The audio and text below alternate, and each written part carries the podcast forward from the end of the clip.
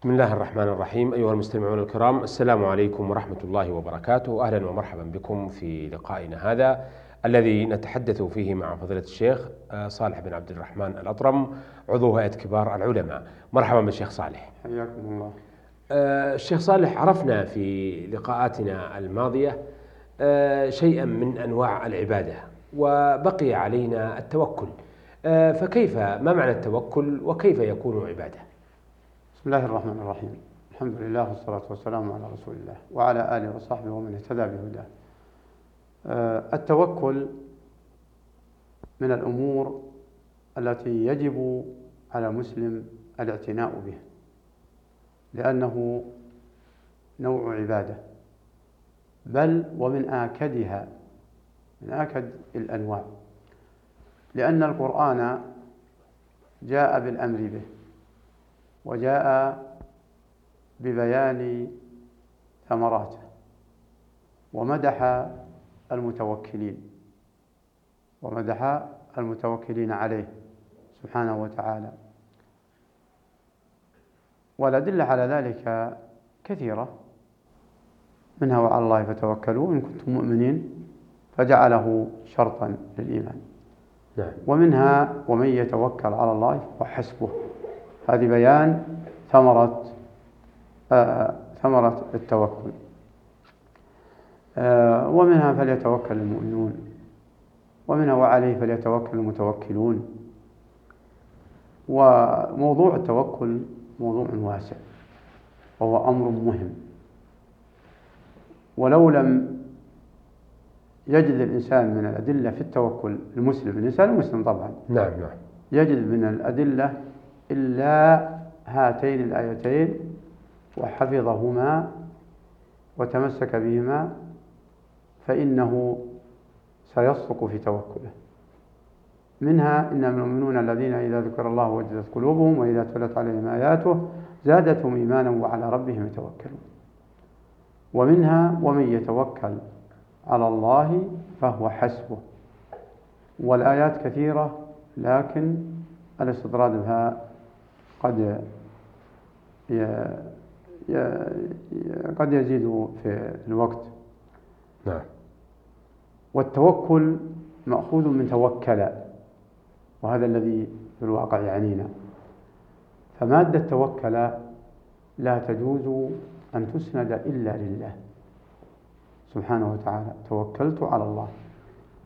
والمعنى اللغوي فوضت أمري إلى الله. واعتمدت على الله. واعتمدت على الله. وطلبت قضاء حوائجي من الله. فصرف ذهنه عن التعلق بأي مخلوق. هذا معنى التوكل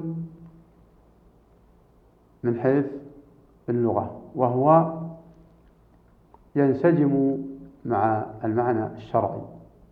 وعلى الله فتوكلوا إن كنتم مؤمنين. ولا يصح أن تقول للمخلوق توكلت عليك لأن كلمة توكل في تعطي أقصى المعاني وأعلاها التي لا تنسب إلا لله. تشعر أن هذا من أعماق القلب. وهذا لا يصح أن يعلق بالمخلوق. أما وكلتك فهذا لا بأس به. أن تخاطب المخلوق بذلك. حينما يكون المخلوق قادرا على ما توكلت عليه به. قادر أن يفعل. ما, ما, ما, ما وكلت إليه. قادر على ما وكلت إليه. تقول وكلتك أن تفعل عني كذا. بمعنى أنبتك. نعم. ليست بمعنى توكل. يعني توكلت على فوضت أمري. وهذه لا. وكلتك بمعنى آه عمدتك. أن تنوب عني باشترى هذه السيارة. أو بفعل هذا الشيء. فيما يصح التوكيل فيه. فيما يصح التوكيل فيه من أمور الدنيا.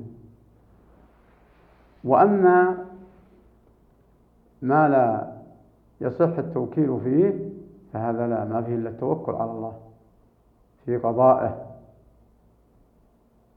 ثم أن وكلت وأن وكلتك إذا قصدت بها معنى توكل بمعنى صرفت أمرك وتعلقك به جاء المحذور فسواء قلت وكلتك وأنت متعلق به في في ذهنك وفي تصميمك أن قلبك متعلق به فهذا هو معنى توكل لا يجوز.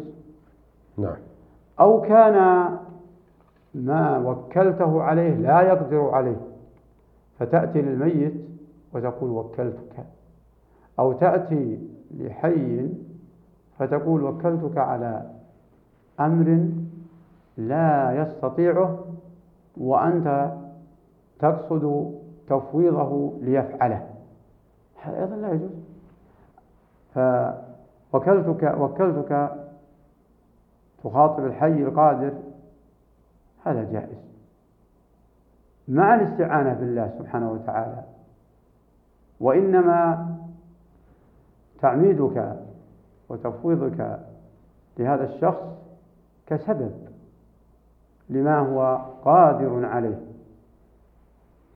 لما هو قادر عليه. فاحذر يا أخي المسلم أن تتناسى كونه سبب. واحذر أن تعلق آمالك في من وكلته أو أنبته أو أنبته فاجعله سببا وأنت مستعينا بالله سبحانه وتعالى. نعم. نعم. آه، لكن كثير من الناس يقول اتكلت على فلان أو أنا أتكل عليك لتفعل كذا وكذا.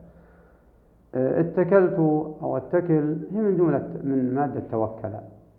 فالعدول عنها أحوط وأسلم للذمة. إلى قوله وكلتك أو أنبتك. لو جاءت أنبتك لكان أفضل. نعم. أفضل من من من من ذلك. والمسلم دائما يحرص على سلامة عقيدته سواء في الأفعال أو في الأقوال. نعم. آه، عرفنا في لقاءاتنا الماضية وفي لقائنا هذا آه، بعض أنواع العبادات آه، كالخوف والدعاء والاستعاذة. وأيضا الاستعانة والاستغاثة والنذر والذبح والتوكل. نريد أن نعرف بيان متى تكون هذه الأمور عبادة بحيث إذا صرفت لغير الله كانت شركا نستقرأها إن شاء الله تعالى. نعم. وإن فاتني شيء منها فنبهني. نعم. عنه. الرجاء والخوف والخشية والرغبة هذه أعمال قلبية والتوكل. هذه أعمال قلبية. لا يجوز صرفها لغير الله. بتاتا صرفها لغير الله لا يجوز. ومعنى الرجاء يعني التعلق من القلب. فالتعلق فكونك بقلبك تتعلق بهذا الشخص رجاء أو خوفا أو رغبة أو أو خشية أو خشية هذا لا هذا لا يجوز. فهي أعمال قلبية. و وكذلك الرغبة الباطنية بأن ترغب إليه كما ترغب إلى الله.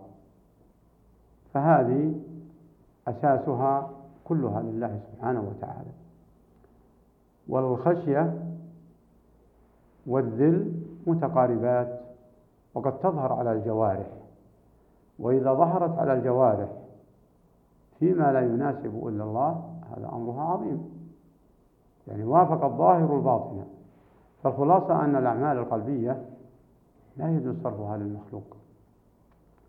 أما ما كان منها قول أو فعل فنستعرضها الآن إن شاء الله. نعم. آه، الدعاء تقدم في حلقة آه، مضت أنه يشارك الاستغاثة وأحدهما أعم من الآخر. فالدعاء بمعنى منادات ناديه يا فلان هذا ليس فيه شيء وليس فيه بأس. وأما أن تدعوه بمعنى تستغيث به وتطلب منه النجدة والغوث لنقضي حاجاتك التي لا يستطيعها إلا الله هذا هو الشرك. سواء سمي دعاء أو سمي استغاثة. أما الاستعاذة فهذه لا يجوز صرفها لغير الله مطلقا. لقوله تعالى قل أعوذ برب الفلق قل أعوذ برب الناس. لا يجوز صرفها لغير الله مطلقا. فلا يجوز أن تأتي لشخص من أشخاص حي أو ميت أو جماد أو آه، شجر أو من شجر أو حجر فتقول أستعيذ بك. لا. وإذا استعان وإذا فقل أعوذ برب الفلق ورب الناس. وإذا والاستعاذة لا تجوز إلا بالله. لماذا؟ لأنها التجاء في غاية الالتجاء. تشعر في غاية الالتجاء واللياذة لحمايتك ولإنقاذك. والمخلوق لا يستطيع ذلك. لا يستطيع ذلك. فكان فإذا كان عند المخلوق ما هو قادر على إسعافك به فعدل إلى الألفاظ الأخرى وهي مناداته وطلب المساعدة. ساعدني يا فلان يا فلان آه، أغثني إذا كان قادر موجود لا بأس أن تطلب منه الغوث. هذه الاستعاذة فالحاصل أن الاستعاذة لا تص... لا يص... لا تصرف لغير الله لفظها. أما الاستعانة فكذلك لأنها تقريبا من أعمال القلوب. والمراد بها طلب العون من, من الله. فلا يصح أن تطلب العون من غير الله في قلبك فتكون قريبة من الرجاء ومن الخوف. فإذا طلبت العون من غير الله طلبت أو بمعنى الاستعانة. نعم. قلت أستعين بفلان ولا أستعين بفلان؟ فيما لا أقدر عليه فهذا لا يجوز. لكن لو طلبت منه بأن يعينك على أمر دنيوي هذا جائز. فليست الاستعانة مثل الاستعاذة. لكن حين أيضا ما تطلب الاستعانة من فلان فتعلق قلبك بالله سبحانه وتعالى. وهو المستعان به أولا وقبل كل شيء. فلو أخص الاستعانة لهذا المخلوق وجردتها عن الله جاء المحذور والخلل في العقيدة. فليتنبه المسلم لمثل هذه الكلمات وليدرس كتب توحيد العبادة. كتب توحيد العبادة. آه، لا سيما كتاب التوحيد في آه، صحيح البخاري وشرح فتح الباري. كتاب التوحيد التوحيد المقريزي وكتب أئمة الدعوة التي ركزت على توحيد العبادة آه، على رأسهم محمد بن عبد الوهاب رحمة الله عليه وسائر علماء المسلمين. نعم. آه، عندنا أيضا النذر. تقدم الكلام عليه والخلاصة أنه لا يجوز أن تنذر تقربا وتعبدا لغير الله. أبدا. وكذلك الذبح لا يجوز لغير الله مطلقا. سواء حسن قصدك أو أو ساء قصدك. نعم. يعني تسفك دما تعظيما لمخلوق حي أو ميت أو لجماد هذا لا يجوز. هذه خلاصة موجزة حول أنواع آه، هذه أنواع العبادات. التي آه، لا تصرف إلا لله والتي قد يجوز آه، مخاطبة المخلوق بها. نعم. شكرا أثابكم الله. بهذا نأتي أيها السادة إلى نهاية لقائنا هذا الذي تحدثنا فيه مع فضيلة الدكتور الشيخ صالح بن عبد الرحمن الأطرم عضو هيئة كبار العلماء. آه، شكرا لفضيلته وشكرا لكم على متابعتكم وإلى أن نلتقي بحضراتكم. نستودعكم الله والسلام عليكم ورحمة الله وبركاته.